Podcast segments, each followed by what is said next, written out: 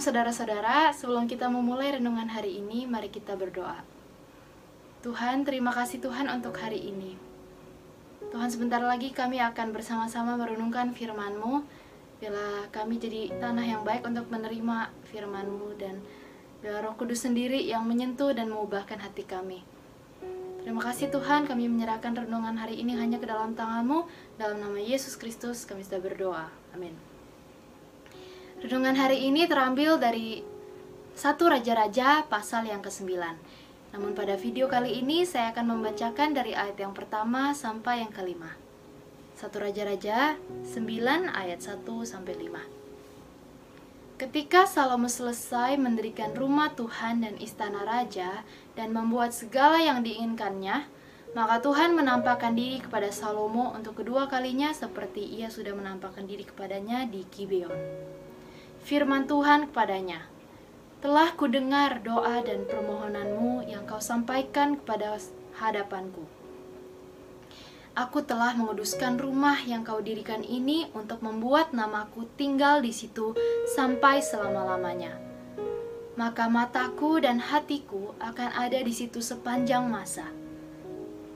Mengenai engkau, jika engkau hidup di hadapanku sama seperti Daud, ayahmu, dengan tulus hati dan dengan benar, dan dengan berbuat sesuai dengan segala yang kuperintahkan kepadamu, dan jika engkau tetap mengikuti segala ketetapan dan peraturanku, maka aku akan meneguhkan tahta kerajaanmu atas Israel untuk selama-lamanya, seperti yang telah kujanjikan kepada Daud ayahmu, dengan berkata, keturunanmu takkan terputus dari tahta kerajaan Israel.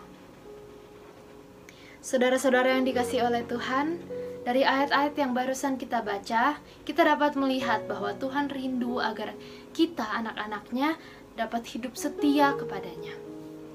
Tuhan menggenapi janjinya sama Raja Salomo dan hadir dalam bait suci yang ia dirikan bagi Tuhan. Dan ia berfirman, ia akan memberkati Raja Salomo jika ia hidup tulus hati dan benar, seperti ayahnya Daud. Dan di ayat-ayat selanjutnya, Tuhan menyatakan konsekuensi-konsekuensi buruk yang akan dialami oleh Raja Salomo dan umat Israel jika mereka tidak setia. Dan juga ayat-ayat selanjutnya, kita dapat baca bagaimana Raja Salomo memanifestasikan kesetiaannya dalam berbagai upaya. Pertanyaannya, saudara-saudara, bagaimanakah kesetiaan kita sama Tuhan? Apakah kita setia sama Tuhan karena Tuhan sudah janji bakal memberkati kita kalau kita setia? Apakah itu motivasi kita? Apakah kita setia karena kita takut Tuhan akan merenggut segala segala berkat yang sudah kita miliki sekarang? Bagaimana jika kita sudah setia namun Tuhan tidak memberkati kita secara kasat mata atau kita tidak bisa melihat yang Tuhan kerjakan dalam hidup kita. Bergantung apakah, pada apakah kesetiaan kita?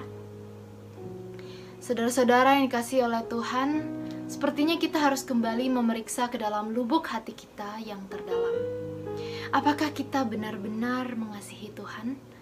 Apakah kita taat dan hidup benar karena kita menyadari bahwa anugerah keselamatan yang sudah kita terima oleh pengorbanan Tuhan Yesus di atas kayu salib itu mahal harganya dan kita nggak akan pernah bisa bayar itu.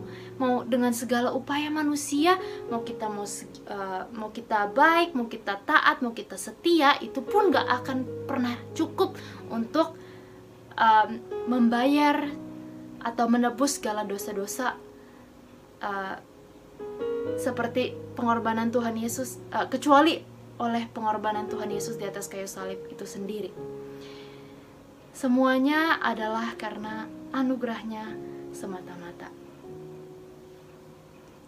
Saudara-saudara, saya hanya rindu agar kita semua dapat setia sama Tuhan dari sikap hati yang benar. Mari kita kembali pada esensinya. Di mana kita setia sama Tuhan bukan karena kita ingin berkatnya aja, Meskipun itulah yang Tuhan janjikan pada anak-anaknya jika kita hidup tulus hati dan setia. Tapi marilah kita hidup setia sama Tuhan karena kita mengasihinya.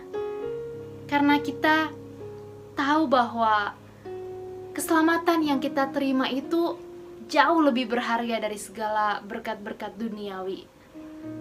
Dan bahwa dia pribadinya sendiri cukup bagi kita. Mari saudara-saudara, kita setia sama Tuhan dengan sikap hati yang benar.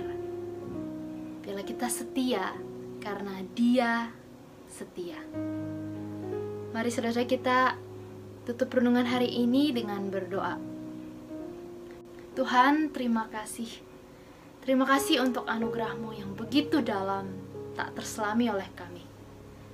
Hari kami belajar tentang kesetiaanmu dan bagaimana engkau menjanjikan berkat pada anak-anakmu yang taat dan setia. Namun Tuhan kami mau setia bukan karena kami mengini berkatmu saja, tapi kami mau setia karena kami mengasihi engkau. Karena pribadimu cukup bagi kami. Karena kami merindukan penyertaanmu dalam hidup kami senantiasa. Dan anugerah keselamatanmu yang kau berikan jauh lebih berharga dari apa pun juga. Sekali lagi terima kasih Tuhan, kami mau mengasihi Engkau dengan segenap hati kami. Dalam nama Yesus Kristus kami sudah berdoa dan mengucap syukur. Amin.